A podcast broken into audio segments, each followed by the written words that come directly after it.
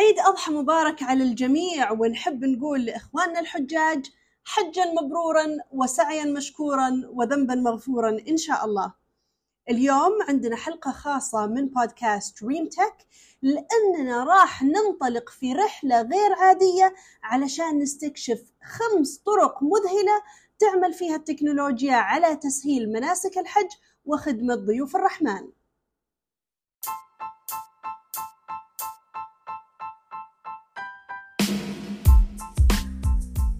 السلام عليكم جميعا. أنا مضيفتكم دكتورة ريم وفي هذه الحلقة راح نستكشف التطورات المذهلة اللي تأثر فيها التكنولوجيا على رحلة الحجيج.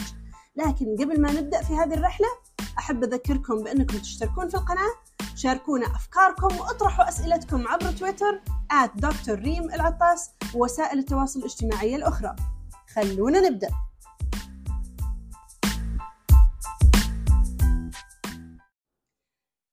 كيف تساهم التكنولوجيا في تسهيل مناسك الحج وخدمة ضيوف الرحمن؟ خلونا نشوف. رقم واحد إدارة الحشود الرقمية. من خلال استخدام تتبع الموقع الجغرافي والمراقبة في الوقت الفعلي وتطبيقات الهاتف المحمول المخصصة يستطيع المنظمون إدارة الحشود الهائلة من الحجاج بكفاءة عالية. طبعا هذه التقنية تضمن تجربة أكثر سلاسة وأكثر أمانا للجميع.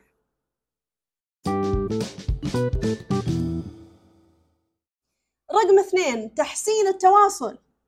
تعمل الأساور الذكية وبطاقات الحج الذكية وأيضا خدمات الترجمة متعددة اللغات الموجودة على تطبيقات الهواتف الجوالة.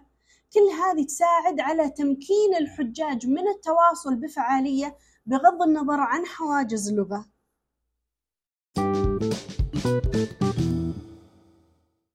رقم ثلاثة السكن الذكي والمواصلات. عملت منصات الحجز عبر الإنترنت على تبسيط عملية تأمين خدمات الإقامة والإعاشة والمواصلات للحجاج.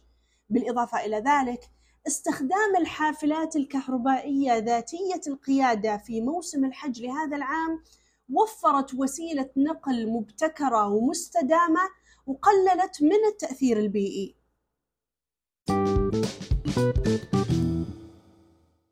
رقم أربعة إجراءات الصحة والسلامة.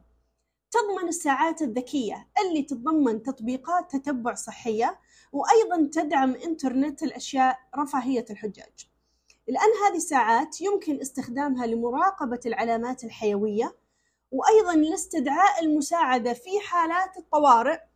ولاستكشاف مخاطر السلامة المحتملة على الفور مما يخلق بيئة آمنة للجميع.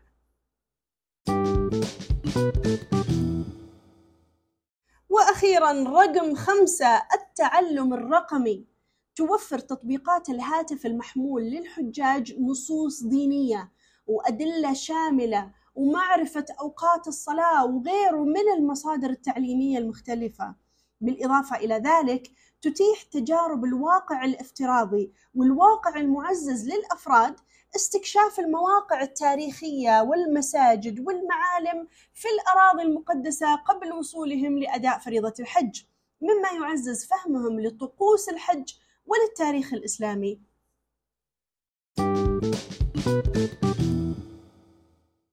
بصراحة من المدهش كيف نشوف التأثير العميق للتكنولوجيا على رحلة الحج.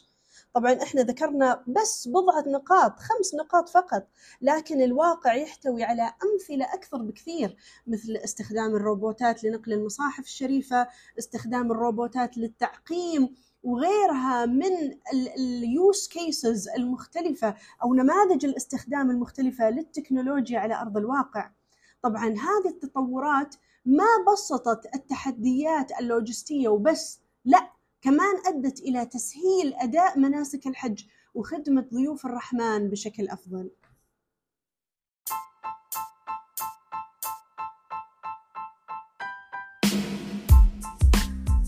وفي ختام هذه الحلقة خلونا نتوقف شوية علشان نفكر كيف أثرت التكنولوجيا في رحلة الحج.